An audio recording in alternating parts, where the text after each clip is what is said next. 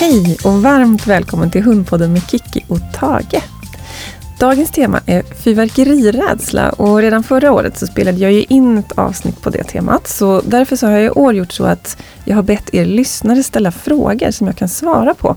Så då blir det lite som en ett komplement till förra årets avsnitt. Så min rekommendation är att ni även lyssnar på det avsnittet. Då får ni liksom en mycket mer heltäckande bild av temat fyrverkeri och ljudrädsla.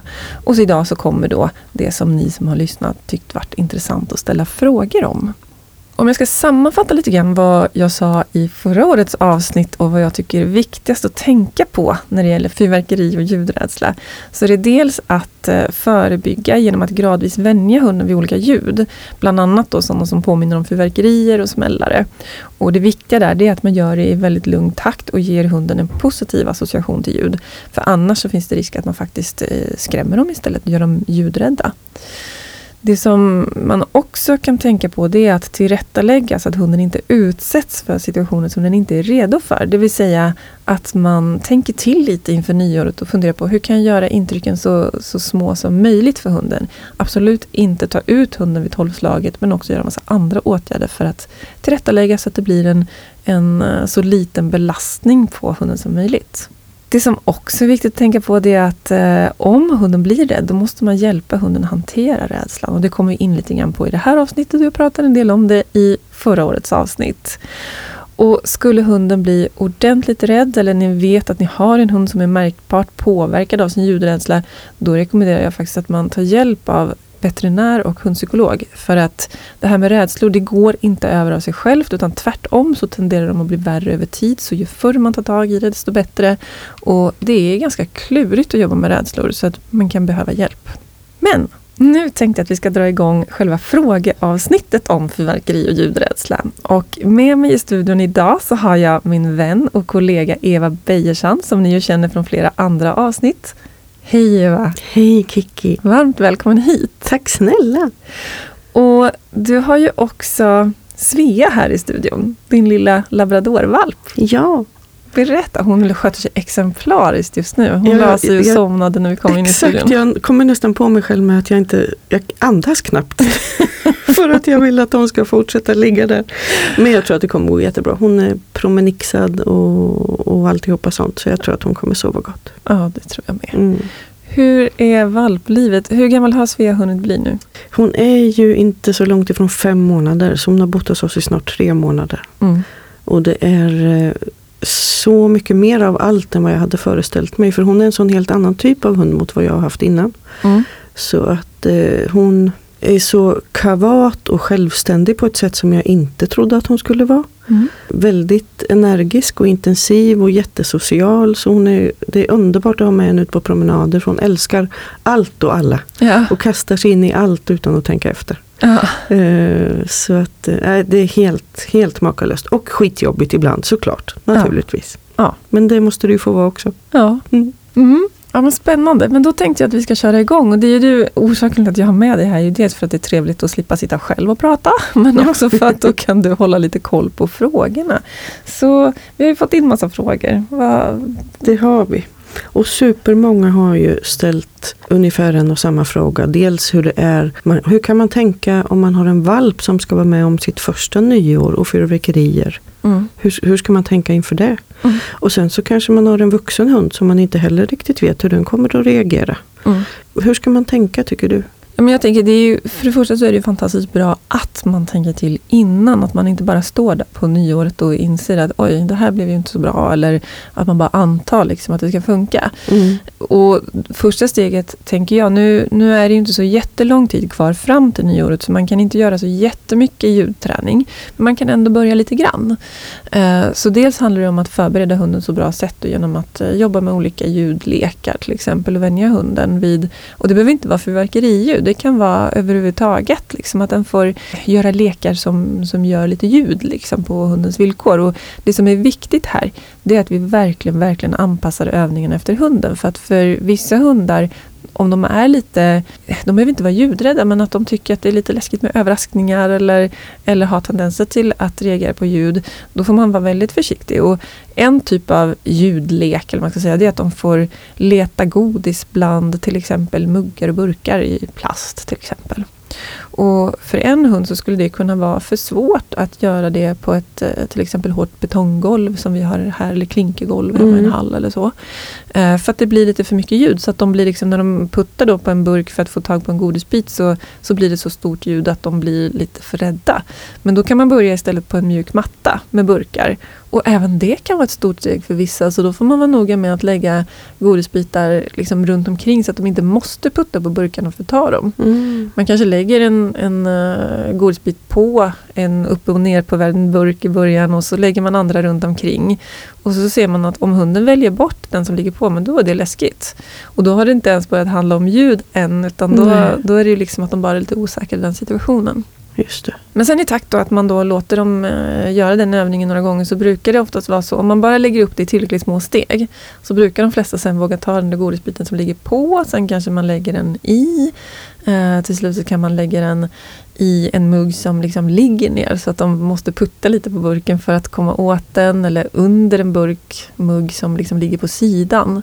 Och till slut under så att de får liksom putta omkull den helt. Mm. Och till slut så kan man då göra Kanske om man är på en tjock matta från början, då kan man ha bara en tunn filt eller handduk under sen i nästa steg. Och till slut så gör man det då på ett lite hårdare golv så att det blir mer ljud och att hunden då bygger självförtroende och, mm. och att den liksom vänjer sig vid att det kan komma ljud men det är inget farligt för att ni har puttat omkull den där burken och det låter lite så får jag en godisbit från burken. Mm.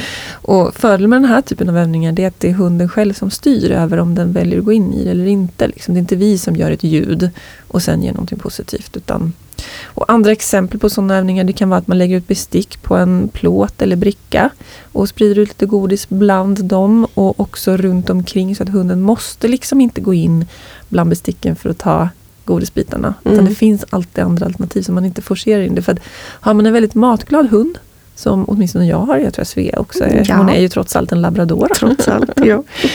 Då finns det risk att hunden liksom går in och tar godisarna fast att den egentligen inte riktigt vågar. Men den vill så mm. gärna ha godiset och då kan den bli mer rädd. Mm. Så det kan faktiskt vara en fördel också att inte ha supergott godis. Man kanske kör med hundens torrfoder. Mm. För att om den inte tar dem, ja då kanske det är lite, lite läskigt och då väljer den bort det och då, då märker vi det. Men är det för gott godis då kan den kanske göra det och bli mer rädd. Mm. Så bestick på en bricka, nyckelknippa i en uh, skål, att man ställer upp petflaskor som eh, bowlingkäglor och sprider lite godis runt omkring och när en flaska välter så blir det ett ljud där. Och mm. Allt det är ju sådana ljudlekar där hunden själv styr över om det ska bli ljud eller inte. Mm. Sen finns det andra ljudvaccinationsövningar som man kan göra som till exempel att man att man själv gör ett ljud och sen ger hunden en positiv association till det ljudet. Mm. Och Eh, där är det otroligt viktigt att man då är lyhörd för vad, vad för nivå på ljud vi kan använda. Vissa hundar kan bli jätterädda av att man tappar en penna i golvet. Mm. Medan en annan bryr sig inte alls. Och hellre ta det säkra för det osäkra. Och i början kanske man låter hunden se att man gör det. Man kanske har ett ljud som förvarnar. Att man säger att nu släpper jag den och så släpper jag pennan. Eller nu kommer ljud. Eller pass på. Eller vad man nu vill säga. Mm. Och så gör man ett ljud och sen så en lite godissök efteråt eller någonting eller ge en godisbit eller leka en stund. Så det blir liksom en förvarning, ett ljud och sen så någonting positivt mm. för hunden. Eh, då vänjer man det gradvis. Och som sagt, jätte, jättenoga att man inte går för fort fram för då kan man göra hunden rädd istället för att minska risken för rädsla. Så det är några saker man kan göra förebyggande. Sen så tänker jag en annan sak som man kan göra förebyggande att om man hör Ofta är det sådär att det börjar smällas lite månaden före nyår ja, också. Exakt. Och då kan det vara bra att ha godis med sig ut i fickan och gärna supergott godis. Särskilt om man har en hund som kanske tenderar att bli lite osäker i olika situationer. Ha supergott godis i fickan och när det väl kommer ett uh, fyrverkeri på avstånd då kör ni ett godisregn. Mm. För då får de en positiv association till fyrverkerierna än, istället för att de blir rädda eller, eller kanske inte ens tänker på det. Det är bra, tänker jag, om de får höra fyrverkerier på avstånd innan det är skarpt läge. Ja, faktiskt. Och få en positiv association.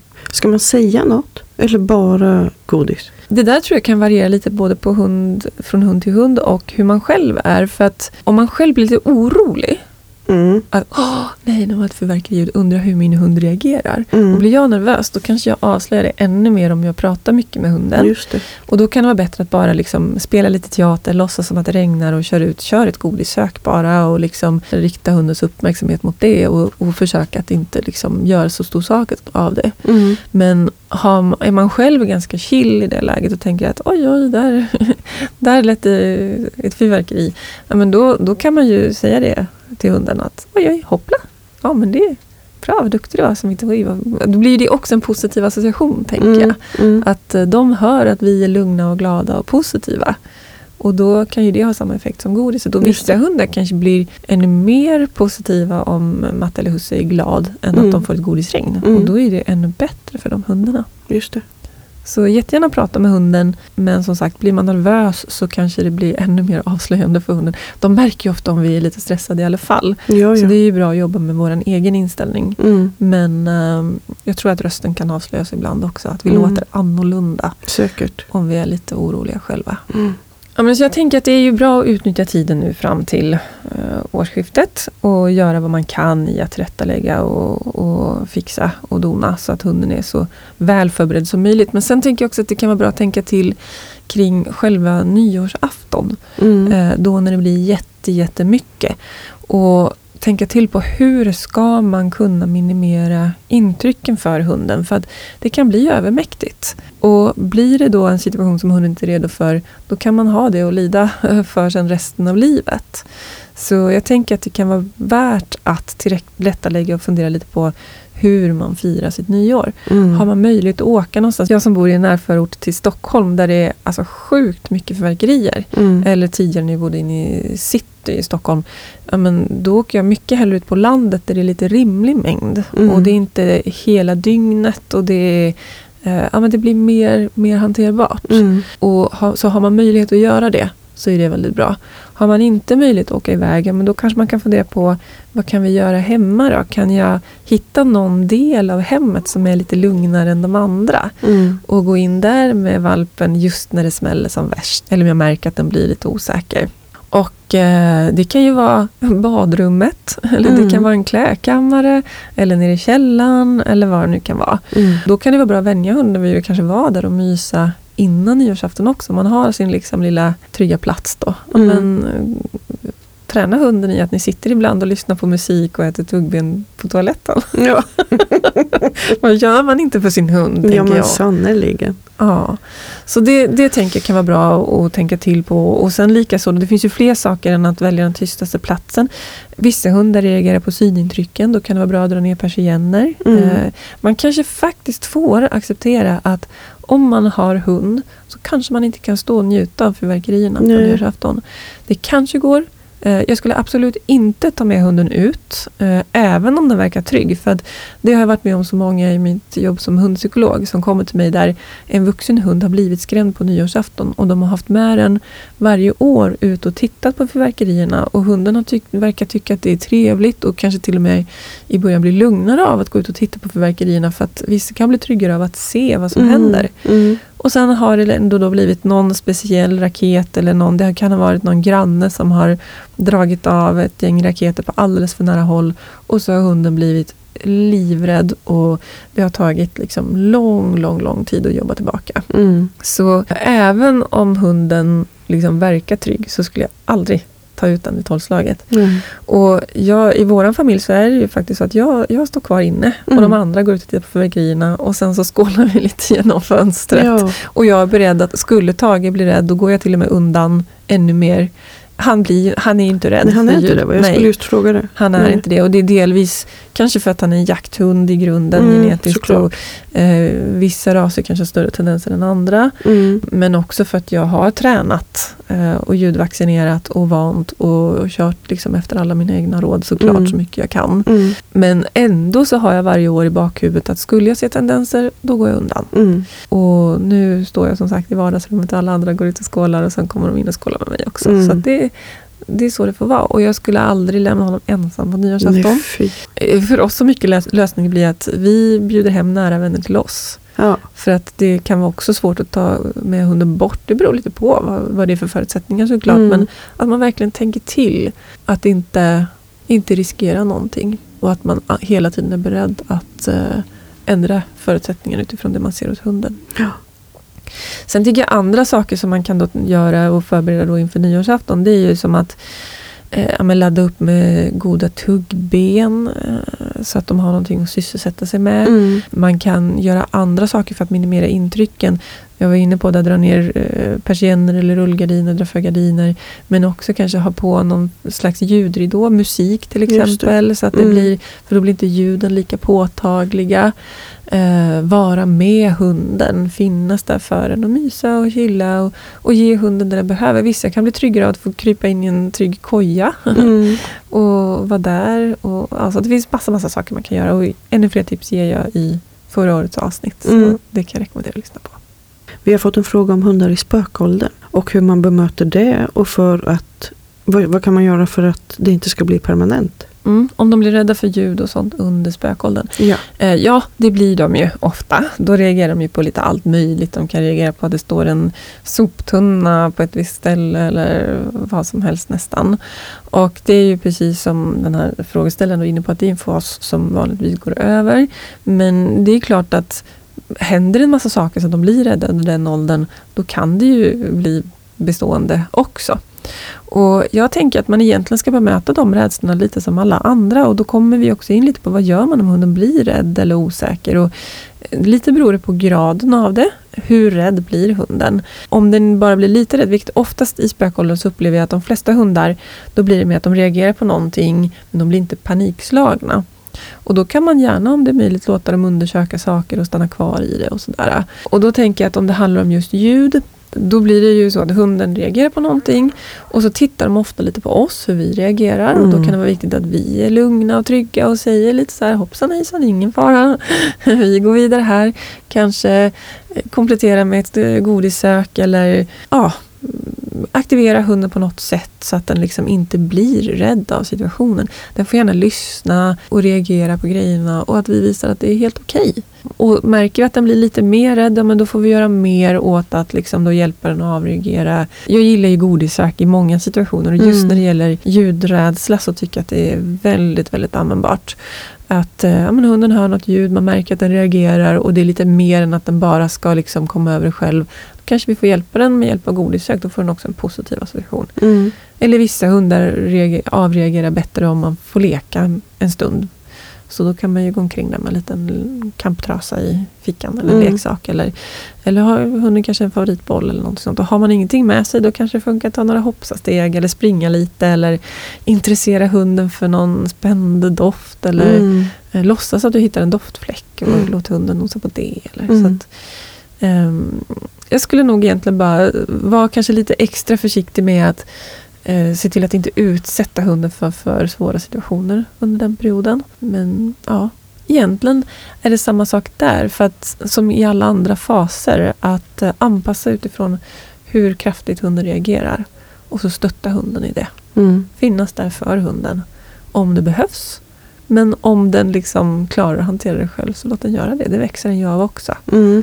Just det. Eh, men eh, med minsta lilla att hunden behöver min hjälp och komma över någonting så gör jag det. Mm. Eh, sen har vi fått en fråga om eh, det här med att ömka hunden. Mm. Det där är ju lite av en seglivad myt skulle jag säga. Eller både och. Eh, man hör ju ofta att man får absolut inte ömka hunden om den blir rädd. Och det där tänker jag, om det är sant eller inte, det beror på vad man menar med ömka hunden. För min erfarenhet är att om vi själva blir väldigt oroliga för hunden och visar vår oro genom att liksom oja oss väldigt mycket och ömka hunden då, ja, men då tror jag nog att vi kan spä på hundens rädsla. Att den kan uppleva det som att ja, vi tyckte också att det var läskigt och då blir det ännu läskigare. Mm. Men det som ofta sker, tycker jag, det är att folk tolkar det där med ömkande som att vi får inte prata med hunden. Vi får inte berömma hunden, vi får inte prata gulligt med den. Och det är en helt annan sak.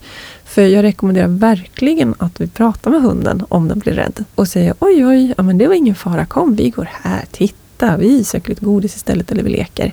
Och det anser inte jag är att ömka. Nej. Och det värsta vi kan göra, för närbesläktat med det där, det är att man ska liksom, man hör ofta att ignorera hunden när den blir rädd. Förstärk inte rädslan genom att genom att uppmärksamma den och ge den massa positiva saker. Man kan inte förstärka en rädsla genom att ge hunden någonting positivt. Nej. Tvärtom, den blir tryggare av att visa att vi finns där.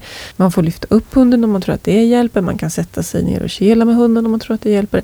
Allting som gör hunden lugnare och tryggare kan man göra i den situationen. Och man kan ju prova. Hur reagerar hunden? Om jag börjar prata med den på det sätt som jag klarar att prata, blir den lugnare då? Eller verkar den bli mer orolig av det? Okej, blir den mer orolig, men då provar jag någonting annat. Mm. Men jag överger inte hunden. Mm. Och det här med att liksom, folk är så rädda för att förstärka rädslan genom att ge den någonting positivt. Man blandar ihop att man riskerar att förstärka ett beteende om hunden får en belöning för det beteendet. Det är så vi tränar in saker. Om hunden gör någonting så, så ger vi den en belöning för det. Eller mm. om, hunden, om hunden försöker sno mat från bordet och den lyckas med det, men då förstärks ju det beteendet för det är ett lönsamt beteende.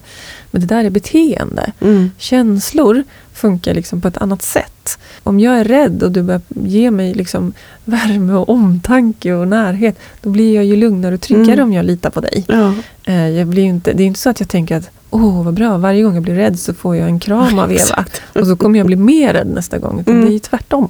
Faktiskt. Ja. Så ja, vi måste finnas där för våra hundar. Vi måste ge dem trygghet. Men sen är det klart att vi får inte stissa upp oss själva och gå upp i stress. För då kan vi göra dem mer stressade. Mm. Och går vi upp i stress, det är ju lätt hänt. Säg att det kommer ett superförverkeri och jag kanske eh, oroar mig för det här med förverkerirädsla. Då är det lätt att jag får en stressreaktion. Men då får jag försöka lugna mig själv så gott jag kan och spela teater så gott jag kan så att det påverkar hunden så lite som möjligt. Mm. Spännande frågor. Mm, bra frågor. Mm. Mm. Till de här olika ljudövningarna som vi pratade om innan så kan det ju vara bra att ha ett riktigt gott belöningsgodis. Dels så gör det ju att hunden vill träna och orkar hålla tålamodet uppe. Men sen är det ju också bra om det är bra för hundens hälsa. Så det inte blir för mycket av det goda så att säga. Mitt och Sveas absoluta favoritgodis är för Friends hundgodis.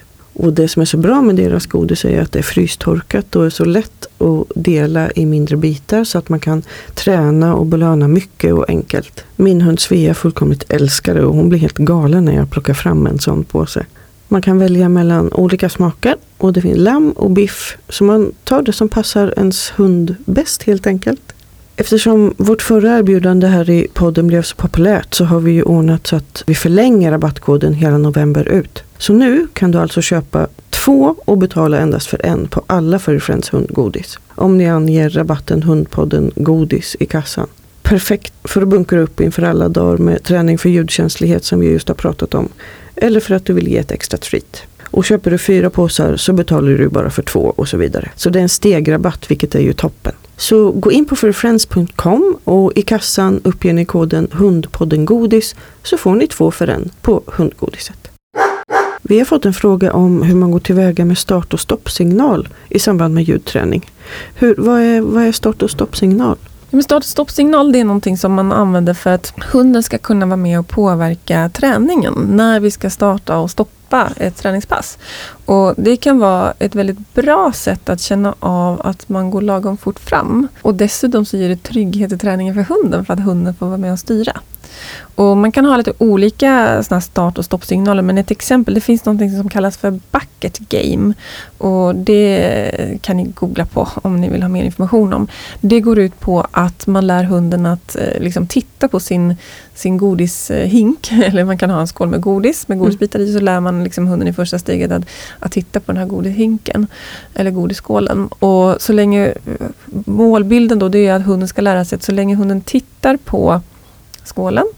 Eh, då fortsätter vi med det vi håller på med. Och om den tittar bort från skålen då behöver hunden en paus. Och det här använder man till exempel i hanteringsträning mycket. Så att om jag ska lära hunden att bli undersökt eller klippa klor eller sådär. Då kan jag lära hunden att stå och titta på skålen och då får den belöning för det.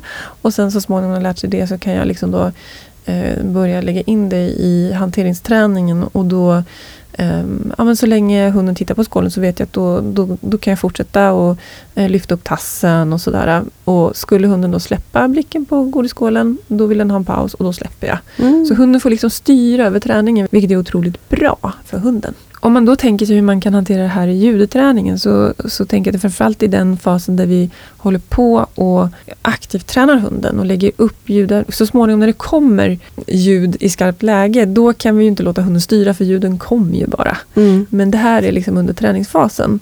Och fördelen med att eh, använda det här med start och stoppsignal, det är att vi, det blir väldigt tydligt om vi går för fort fram. Eh, man skulle helt enkelt då kunna, om vi kör till exempel bucket game med den här godisskålen, så lär vi först hunden då att eh, själva konceptet. Och den kanske kan det redan från hanteringsträning till exempel. Mm. Um, och sen så gör vi helt enkelt så att vi låter hunden titta på skålen och så gör vi något litet ljud och så eh, belönar vi det och då blir det liksom eh, ett, en träningsomgång. Om hunden då inte vill titta på skålen igen, då har vi gått för fort fram. Eller om hunden väljer att inte gå och titta på skålen. man sätter upp förutsättningarna så att hunden vet att nu är det ljudträning vi ska hålla på med. Och då, om hunden inte känner sig redo för nya ljud, då kommer den inte börja titta på skålen. Om den har förstått konceptet. Mm. Så det är helt enkelt ett sätt att göra hunden. Jag tycker ett annat sätt att använda som start och stoppsignal som jag använder ibland i ljudträning och bland annat när jag kör hanteringsträning med Tage eller hantering med Tage, det är att jag har en, en speciell handduk som jag bara har fram i här, eh, den här träningen. Och en startsignal då det är att kliva på handduken. Mm. Kliver han av handduken så vill han ha en paus. Kliver han på så är han med på noterna. Mm. Och då kan man göra det till exempel i ljudträningen. Att jag, jag tar fram mina ljudträningsartiklar och grejer så att hunden fattar liksom att nu är det ljudträning. Och så tar jag fram en specifik handduk som jag bara använder för ljudträning. Och går hunden på då är den redo, bring it on, mm. nya ljud. Mm. Och så kör man träning, så länge hunden är kvar på filten kan man fortsätta träna. Och sen så om hunden kliver av, då, då pausar vi. Mm. Och så försöker jag så ofta som möjligt lägga upp träningen så att jag pausar innan hunden själv behöver trycka på paussignalen eller stoppsignalen. Det som också kan vara bra att tänka på det är att man har liksom, okej okay, det finns en startsignal, jag startar aldrig förrän hunden kliver på då handduken eller tittar på burken. Mm. Men jag är lyhörd för att hunden kanske kan ha många stoppsignaler. Så att en tydlig stoppsignal är om hunden kliver av handduken eller tittar bort från burken. Men om hunden på andra sätt visar att den är lite obekväm i situationen, då är det viktigt att jag lyssnar på det också. Mm. Så om hunden helt plötsligt vänder bort blicken eller mm, rycker till. Eller liksom då, för då skulle det kunna vara så att hunden kanske stannar kvar för att den vill ändå ha sin... Den kanske inte riktigt har förstått att den har chans att kliva ur. Och har man en hund som gärna vill ha sitt godis eller gärna vill vara till lags, då är det viktigt att man också faktiskt belönar när hunden kliver av. Mm. Så att hunden vet att det, finns, att det finns andra belöningar. Man måste inte vara med i den här leken för att få belöningar. Mm. Utan man kan få min uppmärksamhet eller godis eller så även om man inte deltar. Så det inte blir press? Exakt. Ja. Och det här ja, som sagt, det är jättebra för det är både så här, hunden får vara med och styra, eh, det blir förutsägbarhet så att det, och jag får ett kvitto på vill inte hunden gå på handduken, då har jag gått för fort fram. Det blir mm. väldigt tydligt kvitto. Eftersom jag aldrig liksom tvingar eller överraskar hundarna. Mm. Mm, spännande fråga. Det är ja, jättespännande. Jätte. Vi har fått en fråga om ljudrädsla som har spridit sig till mörkerrädsla. Hur tränar man liksom den generella rädslan som inte längre bara är kopplad till ljud? Ja, det där är en väldigt intressant fråga för att det är väldigt vanligt att rädslor sprider sig. Mm. Det är inte alls ovanligt att eh, från början så är det en sak som skrämmer dem men sen börjar det där sprida sig till andra grejer. Dels kan det vara att de går in i någon slags eh, alert mood och liksom blir rädda för lite allt möjligt. Mm. Men det kan också vara så att de blir rädda för saker som de associerar med den här händelsen. Och oftast fyrverkerierna kommer ju oftast på natten när det är mörkt. Och då kan det vara så att då blir de rädda för att gå ut när det blir mörkt. Eller rädda för att det blir mörkt ute. Då blir de helt enkelt det som vi uppfattar som mörkrädda. Mm. Eh, för att det kan hända läskiga saker när det är mörkt ute. Jag har varit med om hundar som har blivit rädda för när husse eller matte tar på sig finkläder. Mm. För att det gjorde de ju på nyårsafton ja, innan det skulle smälla. En annan var rädd för champagneflaskor och champagnekorkar.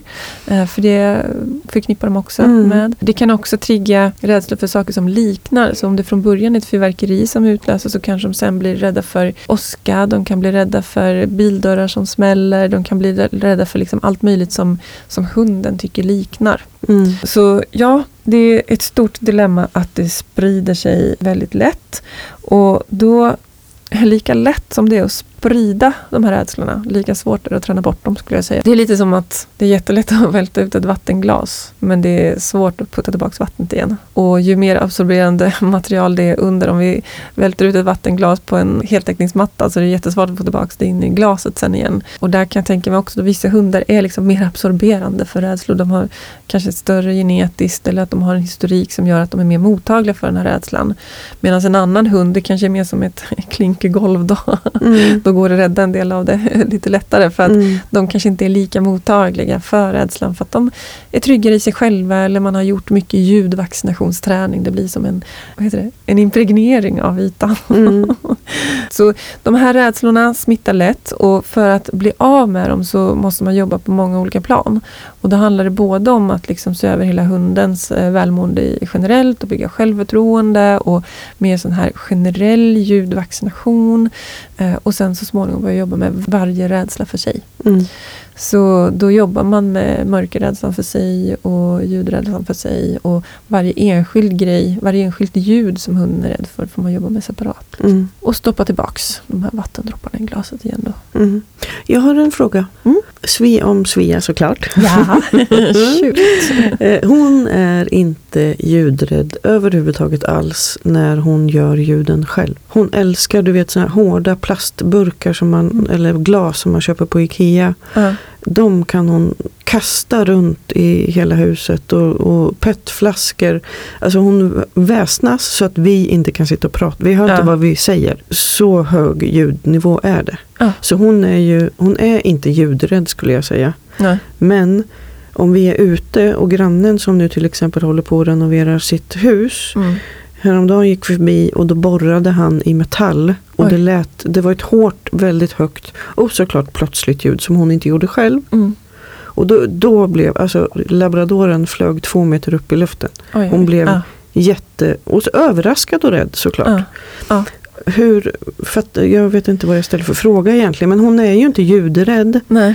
Men hon kan ju bli skraj jätte... för ljudet precis mm. som jag hoppade också till. Men jag, jag är ju inte rädd för Nej. Förstår du? Mm, jag förstår. Och Det där är ganska vanligt skulle jag säga, att så länge de har, det, vi kommer tillbaka till det här med att det man har kontroll på och är beredd på, det blir man inte lika rädd för. Så det är ofta överraskningen som är problemet och, ja. att, man, och att man inte kan styra över det. Så en sak är överraskningsmomentet och det andra är att när hon gör ljudet, då vet hon att hon har kontroll över det. Men om någon annan gör ljudet, då vet hon inte om hon kan stoppa det eller om det kan komma när som helst. Och, så det finns liksom en en osäkerhet i det också. Och då tänker jag att man får liksom träna lite även på överraskande ljud. Och på den hunden som är som du beskriver Svea, då, de här ljudlekarna det kan man också göra för det blir ju ändå en allmän ljudvaccination. Men då kan man behöva gå över på att också lite då göra små, små, små överraskande ljud. Ja, exakt. Eh, och så kan man det, få hunden att förknippa det med någonting positivt. Så då göra ett, tappa en penna i golvet när hon mm. inte är beredd, om det är lagom nivå för henne. Hellre ta det säkra för osäkra, prova så att hon inte reagerar om man tappar en penna på en mjuk matta först. Mm, liksom. mm, mm. När man lägger upp den träningen så tänker jag att man kan passa på att lära in en signal som man kan använda för att hjälpa hunden att eh, hantera även överraskande ljud. Mm. Och säg att man till exempel då bestämmer sig för att min, min eh, signal som ska tala om för hunden att nu kommer ett, ett ljud som du inte behöver vara rädd för. Det kanske är pang pang mm. eller pass på eller mm. vad man nu vill ha. Men vi tar pang pang. Eh, då kan jag göra så att jag gör liksom, i början så gör jag det med icke överraskande ljud. Jag säger pang pang och så gör jag ett ljud och sen så kör jag ett godisregn till mm. exempel mm. eller leker lite. Och så upprepar jag det många gånger tills hunden blir lite förväntansfull att ja, nu hörde jag pang pang, då kommer det komma något eh, ljud och sen så kommer en, sen kommer något kul hända. Sen kan jag i nästa steg börja när hunden inte är riktigt beredd så kan jag säga pang pang och så kommer ett ljud som hunden liksom inte riktigt ser då var det kommer ifrån. Och så kör jag, jag kanske ber någon annan tappa en penna i golvet till mm. exempel. Eh, och så kör jag godisregn eller lek. Och då har jag liksom lärt hunden att okay, jag kan förvarna, pang pang, eh, då kommer det hända någonting och så händer någonting positivt. Men så småningom sen då så kommer det då, när man har gjort det här många gånger, då kommer det ju vara så att du kan ju inte förvarna när det blir ett fyrverkeri. Exakt. Men då man har tillräckligt många repetitioner av associationen pang pang, ljud, och sen händer något roligt. Då kan du, när du hör ett ljud, då säger du pang pang och då kommer man göra just jaha, det är ett sånt ljud. Ja, ja, ja. Och sen så kommer ett godis. Ja, det funkar i den ordningen Ja. också, att ljudet kommer först. Ja. Exakt. Mm. Sen kan man då varva det med att du gör det, för att egentligen vill vi ha den andra ordningen. Mm. Så för att det inte ska tappa sitt värde och den istället ska liksom då börja få en negativ inställning till ordet pang pang. Då vill det till att du liksom tränar, fortsätter träna med att säga Mm, pang pang och ljud och sen någonting så. Så det, det kan man göra. Och sen så tänker jag då att överhuvudtaget att träna lite i, gradvis på att det kommer överraskande ljud också och att det är heller ingen fara. Och återigen, lagom dos. Så att man inte skrämmer hunden utan faktiskt gör den mer och mer trygg i varje steg. Och det ska inte vara så att Superbra. hunden liksom bara klarar av att hantera det. Utan det Nej, ska jag vara, fattar. hunden ska vara helt positiv. Mm, jag fattar. Gud vad bra, tack snälla. så lite så. Ja, men Jag har ju funderat på hur det kommer, hur det kommer att bli för Sveas första nyår. Ja. Såklart. Och där tänker jag, det som är, det är, det är jätte, jättebra att folk med valpar hör av sig och frågar. Och, och att man har liksom koll på och gör det så bra som det bara går. Mm. Men det som är dilemmat är att även om det går bra första nyåret så kan man inte slappna av sen. Nej, För det kan mycket väl vara så att nästa nyår blir det svårare. exakt. Min erfarenhet är faktiskt att det går oftast ganska bra första nyåret.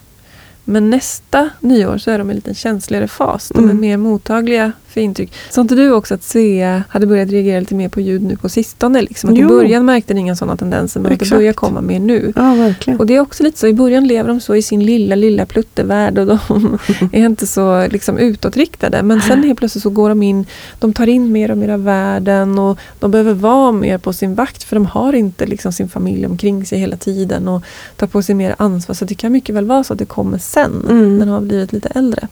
Och, sen, och antingen då i unghundsåren eller att det kommer under liksom, i vuxen, det kan komma egentligen precis när som helst. Mm. Och inte minst när de börjar bli ännu lite äldre så att de börjar få antingen kanske lite nedsatt hörsel på grund av ålder, att hörseln blir förändrad. Mm. Det här var ju så för min förra hund eh, Happy. Hon var inte ljudrädd förrän hon blev, jag kommer inte ihåg hur gammal hon var, men kanske tioårsåldern när hon började få lite försämrad hörsel. Mm. Sen blev det bättre på slutet och delvis såklart för att jag tillrättalade och tränade henne Mm. när jag märkte de här tendenserna. Men också tror jag för att sen fick hon så dålig hörsel så att hon Ja, ja. hörde det inte alls lika påtagligt längre. Nej, Men i början, när det bör, det kan liksom, allting kan ändras. Om en vuxen hund, som varken är jätteung eller jättegammal, eh, helt plötsligt får ljudrädsla utan att man har liksom någon händelse som vi kan koppla till det. Då skulle jag sikta in mig på en veterinärundersökning. Ofta så kan man se att eh, ljudrädsla också kan ha en koppling till fysiska åkommor. Mm.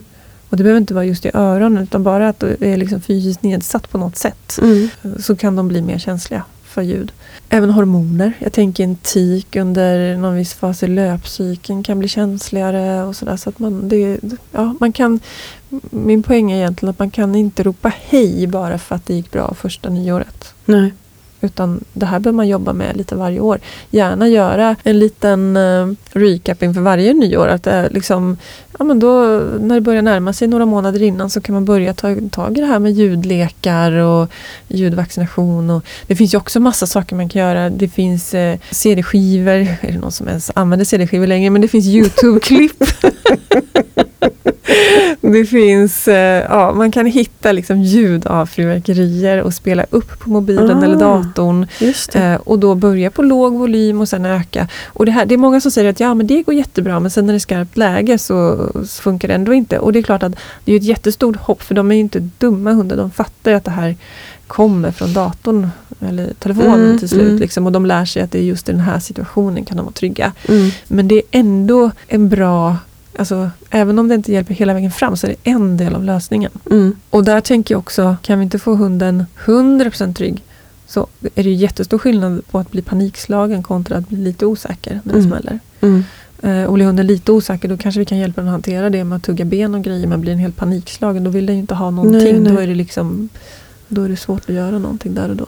Och som sagt, har man kraftiga problem. Mm. Eh, sök hjälp hos både veterinär och hundpsykolog. Mm. För dels så finns det ju receptförskrivna läkemedel man kan använda för att underlätta på nyåret. Och det finns ju också man kan göra, mycket man kan göra med träning. Och, och träningen behöver skräddarsys, individanpassas. Just det. det går liksom inte ge en generell rekommendation att göra så här med alla hundar. Eh, vi har ju varit inne lite på det, men om hunden blir rädd, vad gör man då? Ja, dels beror det lite på hur rädd hunden blir. Om den blir lite, lite rädd, då kanske det räcker med att man pratar lugnande med den eller gör någonting där och sätter sig ner och kelar eller sådär. Eller kör ett godisregn eller vad det nu kan vara som hjälper just din hund att avreagera på det här. Vissa blir tryggare av att få närhet, andra kan tycka det är jobbigt med närhet. Eh, så att man försöker finnas där för hunden. Är det hemma på nyårsafton och det smäller och man märker att hunden blir lite osäker, men prova, ge den något att tugga på eller gör ett godisök eller lek eller distrahera på något sätt liksom och se om det kan hjälpa. Eller bara sitt med hunden. Happy älskade att bli invirad i en filt och sitta i min famn. Mm. Det tyckte hon var jätte, jättebra. Liksom, det blev en trygg liten koja i min famn. Mm. Eh, Medan Tage funkar det bättre att få göra någonting, äta någonting. Mm. Mm. Godissök eller, eller tuggben. Nu mm. blir ju inte han rädd då men det gör jag. Han får alltid tugga på någonting under själva de värsta mm. minuterna där bara för att. Mm. Eh, och det är jag helt säker på att det är det som skulle funka bäst om han blev lite rädd också för just honom. Men det är olika på olika hundar. Mm. Om hunden blir riktigt, riktigt rädd, de kan ju bli chockade. Mm. Då skulle jag rekommendera att man söker hjälp så fort man kan. Finns hos hunden, håll hunden. Åk in till veterinär om den, blir, alltså om den verkligen blir chockad. Ta hjälp av en hundpsykolog för att sviterna av den här chocken inte ska bli värre än nödvändigt. Mm. Ja, beroende på hur rädd den blir. Ta den ur situationen om den blir rädd också. Mm. Så att du liksom inte, om det fortsätter smälla, men ta undan den därifrån då. Bär den därifrån eller gör vad som krävs för att komma bort från situationen så att mm. det inte fortsätter. Ja, och om man skulle hitta någon liten bra slutkläm då till den här första frågan vi hade där, men vad gör man då nu om det är ens första nyår? Jag kanske inte har en hund, jag vet inte om hunden kommer bli rädd eller inte och jag kanske inte har sett några specifika tendenser till ljudrädsla. Då tänker jag så här, men fundera på hur du kan göra nyåret mysigt för dig och din familj utan att riskera att utsätta hunden för för mycket. Mm. Så börja fundera på det redan nu och vara lite proaktiv. Och jag kan känna själv att det är lite ledsamt när man känner att men jag kan inte gå på det där stora nyårsfirandet för att det skulle inte funka med Tage för det är mycket folk och, och jag vill absolut inte lämna honom ensam eller egentligen inte ens ha hundvakt just då för att jag Nej. känner att skulle något hända så vill jag vara där med honom. Mm. Och det är klart att det känns lite sorgligt men då har liksom min lösning på det blivit att men då istället så, så gör jag något mysigt för oss som passar oss. Bjuder mm. in folk till oss som funkar med våra förutsättningar. Så var lite proaktiv och hitta en mysig, det, det som funkar så bra som möjligt för både hunden och för resten av familjen. Ja, men så med det sagt så tänker jag att det börjar bli lite dags att runda av det här avsnittet. Tack snälla Eva för att du har hjälpt mig hålla koll på frågorna och delat med dig av dina frågor också som du hade lite i huvudet. Tack, tack själv. Du hanterar ju Glada Jyckars Instagramkonto. Så jag yep. tänker att du kanske vill passa på att slå ett litet slag för det. Eller inte bara ja. Instagram, Facebook också. Ja exakt, jag har både Instagram och Facebook. Vårt Instagramkonto heter ju Glada Jyckar såklart. Där delar vi med oss eh, av massa, vad ska man säga, nyttigt content. Mm. Eh, man lär sig saker. Mm. Det är meningsfullt att, att följa den. Ja. säger jag oh, helt opartiskt. och vi har våra fredagstips och vi har blandat med en massa olika söta bilder och, och saker som händer på våra kurser och lite olika saker. Så det Mm. Det rekommenderas. Och Svea har ju ett eget konto också. Ja, hon har ju såklart en egen Instagram som heter Svea understreck labrador. Mm. Jätteocharmigt namn men det var så ja. det blev. ja, vad då skulle man ha fel på det? Tage heter ju Tage the Beagle. Ja, det gör Jag kanske fick in inspiration därifrån. Mm. Kanske, kanske. Så ja. kan det vara. Nej, så det får, det får ni gärna gå in och följa också. Aha. Mm. Ja, och sen så tänker jag att på Glada Rikars webb så finns det också massor av roliga aktiviteter och både på plats här i Stockholm och online. Det finns ju föredrag och vi har ju en eh, självstudiekurs i vardagsträning, aktivering av abrovinker mm. och eh, en apporteringskurs och lite annat smått och gott. Exakt. Och våran blogg. Våran blogg. På vår hemsida får man inte glömma. Mm. Där lägger vi också in smått och gott löpande hela tiden. Ja. Ja, så in och följ där. Mm. Och eh, ja, tack igen Eva för att du var med. Tack. Och tack till alla er som har lyssnat på Hundpodden med Kikki Felstenius och Tage de Beagle. Och idag även med Eva Beijersand. Ha en underbar dag!